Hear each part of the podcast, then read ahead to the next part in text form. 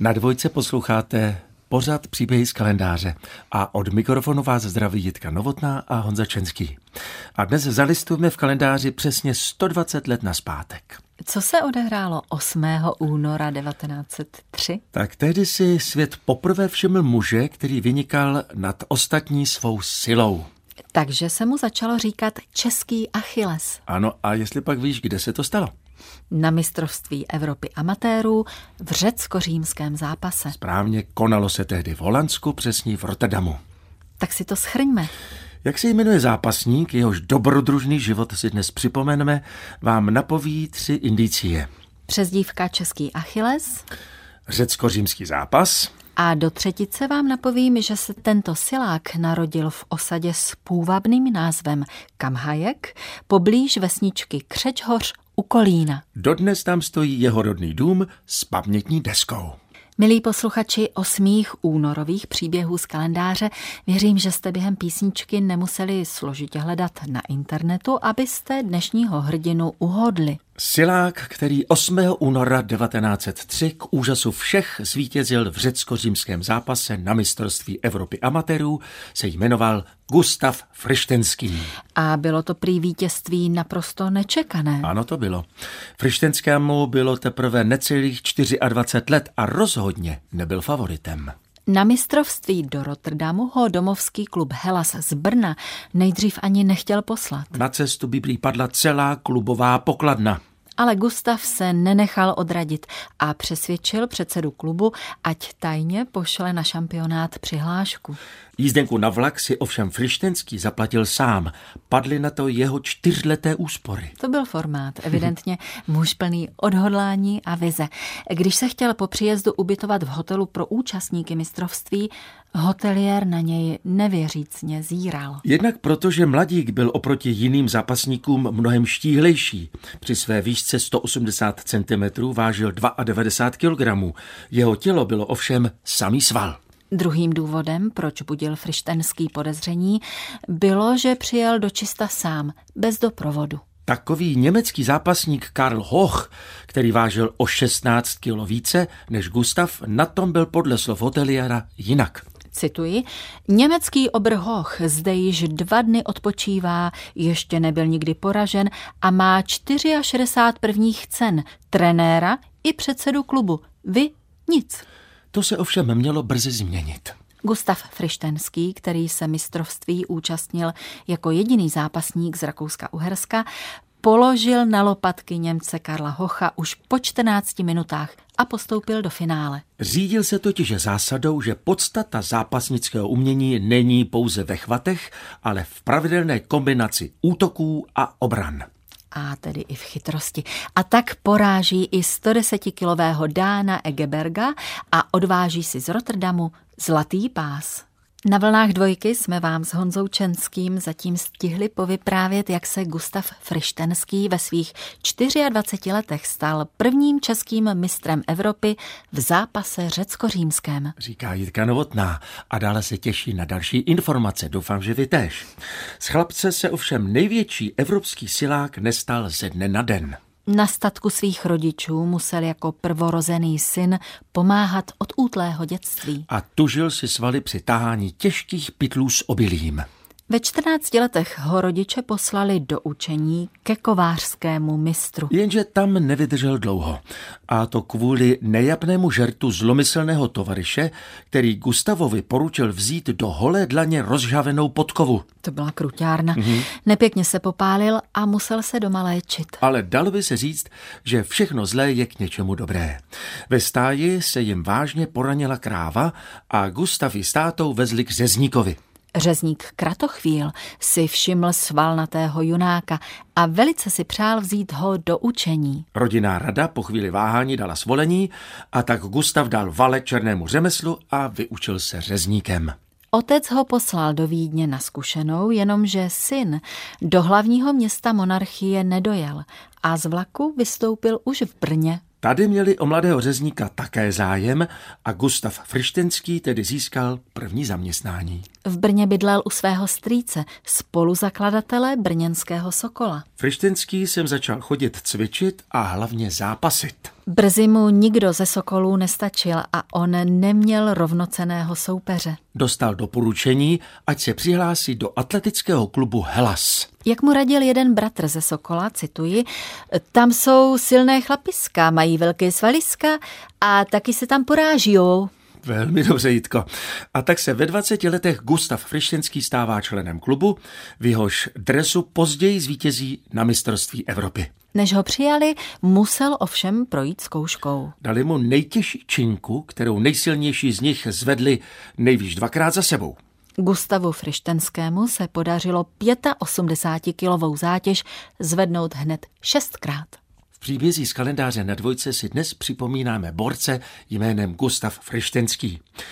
Frištenský jest, 196 liber těžký, krásné stavby a plastické muskulatury, spojené s enormní tělesnou silou, takže sám Dán Egeberg nemůže se vrátit v stoj, když jej Frištenský tlačí k zemi. Frištenský také odbývá celkem rychle své odpůrce a jenom rulát Filipa de Haas jej uvedla ve vážné nebezpečí, jemuž s námahou unikl. Dá o sobě ještě mnoho slyšeti. To psali o Gustavu Frištenském německé noviny po jeho triumfu na mistrovství Evropy v Rotterdamu roku 1903. Pokud se ale domníváte, že se ziskem zlaté medaile mladému zápasníkovi otevřely brány do kořán, bohužel tomu tak nebylo. Frištenský se vrací do Brna ke svému zaměstnavateli, německému řezníkovi Softnerovi, kde ho čeká studená sprcha. Studená sprcha, říkáš. Ano, je okamžitě propuštěn se slovy České horváče zaměstnávat nebudu. Gustavovi se sehnat nové místo nepodaří a tak se rozhodne vystupovat jako profesionální silák. Jenže to má háček. Pokud chce pokračovat v soutěži amatérů, nemůže se zápasením živit. Zápasí proto pod pseudonymem Stanislav Bolovsky. Samozřejmě se na to brzy přijde a sportovní unie prohlásí Frištenského profesionálem. Sám Gustav k tomu později dodává. Čím více jsem o té věci přemýšlel, tím více jsem shledával, že jednak jako amatér nemohu se vášnivě milovanému sportu věnovat s onou výhradností, po jaké jsem toužil, a že na druhé straně jest i příliš úzkým a omezeným amatérský svět pro mou činnost. Ale neměl jsem ani dost odvahy přijít na dobro k profesionalismu zápasnickému. Učinil jsem proto jakýsi kompromis a rozhodl se státi profesionálem prozatím na zkoušku pod pseudonymem. A tak začala nová etapa zápasníkovy kariéry, ve které jako amatér nebyl nikdy nikým poražen. Gustav Frištenský se stal profesionálním zápasníkem. Dnešní příběh z kalendáře připomíná borce se jménem Gustav Frištenský a připomínáme si den 8. únor 1903, kdy se Frištenský stal prvním zápasníkem a amatérským mistrem Evropy. Dozvěděli jsme se, že mohl být sedlákem, pak mohl být kovářem, ale nakonec se v Brně vyučil řezníkem. Určitě i vás zajímá, jak fešák Frištenský poznal svou choť, která ho udržovala při tělesné síle, životní radosti a pomáhala mu ke slavným vítězstvím. Ne až tak slavnou kapitolou bylo jeho působení u filmu, i toho se dotkneme. Stejně jako zjistíme, kterak Gustav se svým bratrem hospodařili a jak jim do toho promlouvali měnící se režimy i zvůle pokřivených mocipánů. Hlavní osobou v dnešních příbězích z kalendáře na dvojce je Gustav Frištenský. V roce 1905 se Gustav Frištenský už jako profesionální zápasník účastní utkání v Olomouci v cirkuse u dřevěného zvonu. Poráží zde úřadujícího mistra světa Hitlera z Mnichova. Krátce po vítězném zápase se s dobrým pocitem prochází po Olomouci a usedne v parku na lavečku, aby si přečetl noviny. V tom zaslechne, jak spolu rozmlouvají dvě dívky. Podívej, Miroslavo, tamhle sedí Frištenský. To je udatný zápasník. Včera jsem ho viděla zápaset. A Miroslava vyděšeně odpoví, pojďme na druhou stranu, ať nám něco neudělá. Asi o rok později se Frišenský náhodou vrací, přijíždí zápasy tuto cirkusu Kellner v Litovli.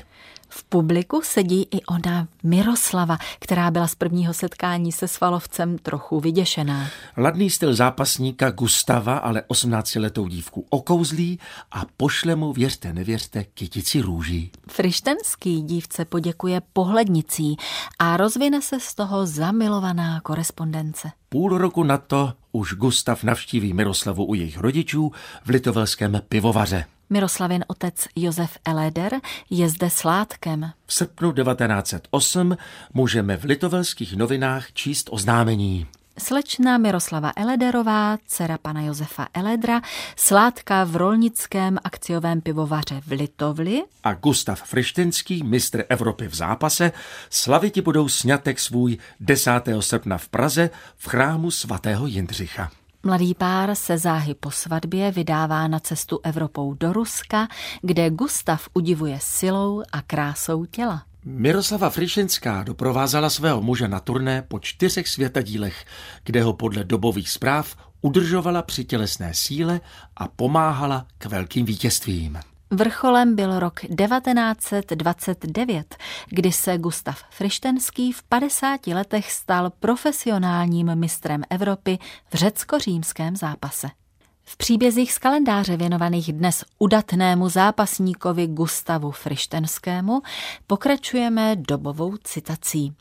Dnes, kdy život klokotá rychlejším tempem, kdy lidstvo vlačnosti po přepichu sahá mnohdy k činům nečestným, kdy trestnice se plní vrahy a podvodníky, tu vrátíme se v tomto filmu čtvrt tisíciletí zpět a shledáme, že hlásaná kultura přinesla velice málo změn v povaze člověka.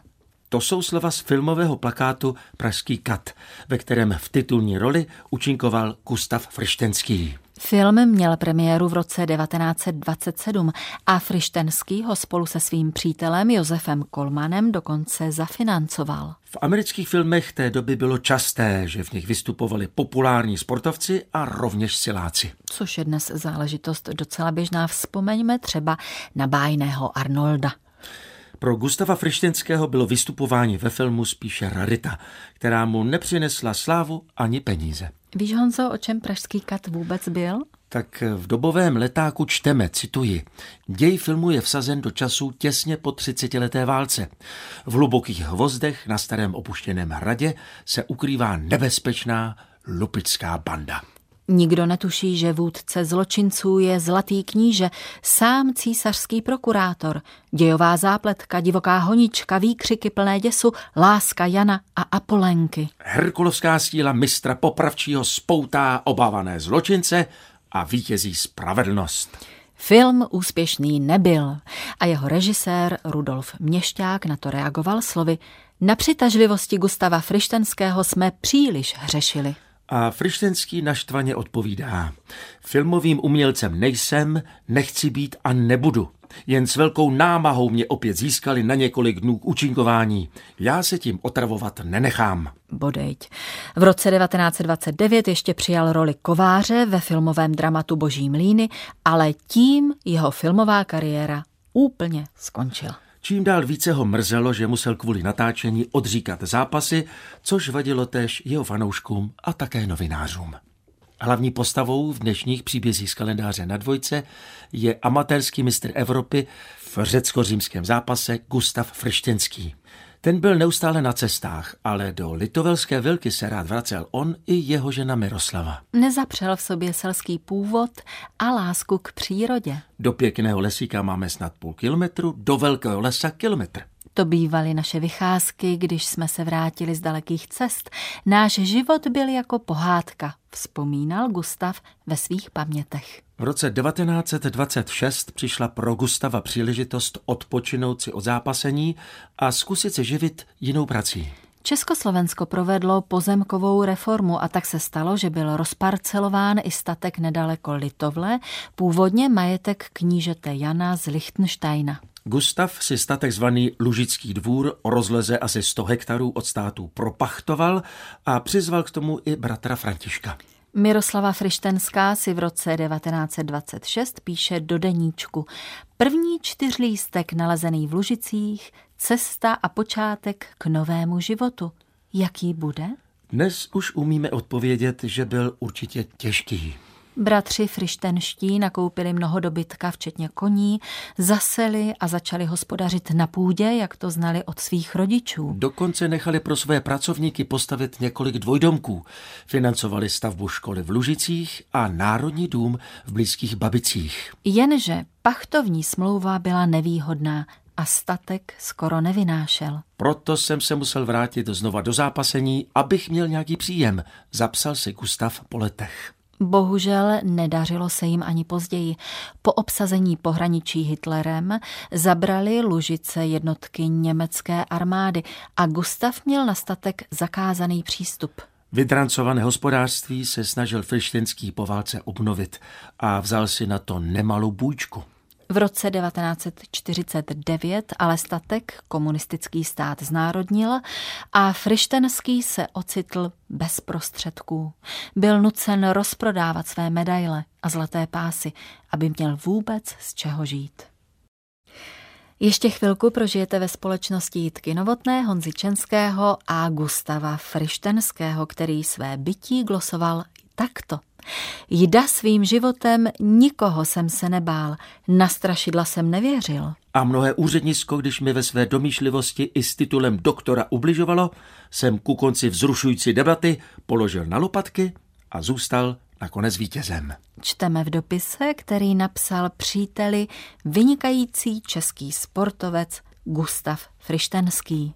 Jako amatér se účastnil 2000 utkání v řecko-římském zápase a ani jednou neprohrál. V roce 1903 se v necelých 24 letech stal amatérským mistrem Evropy. Co by profesionál absolvoval 8 tisíc zápasů a v drtivé většině zvítězil. Během druhé světové války byl vězněn za odbojovou činnost. Jeho poctivou snahu hospodařit jako sedlák překazil nástup komunistů k moci. 4. dubna 1957 Gustav Frištenský v 78 letech umírá, a to jako hrdý a morálně nezlomený člověk. Smutný konec Gustava Frištenského v dnešních příbězích z kalendáře. A na co se můžeme těšit zítra, Honzo? Já doufám, že to bude radostnější a nabídnu ti tuto nápovědu. Out. Sválně, co to bylo? Kam se vydáme zítra? Do světa bílého sportu? Správně, Jitko.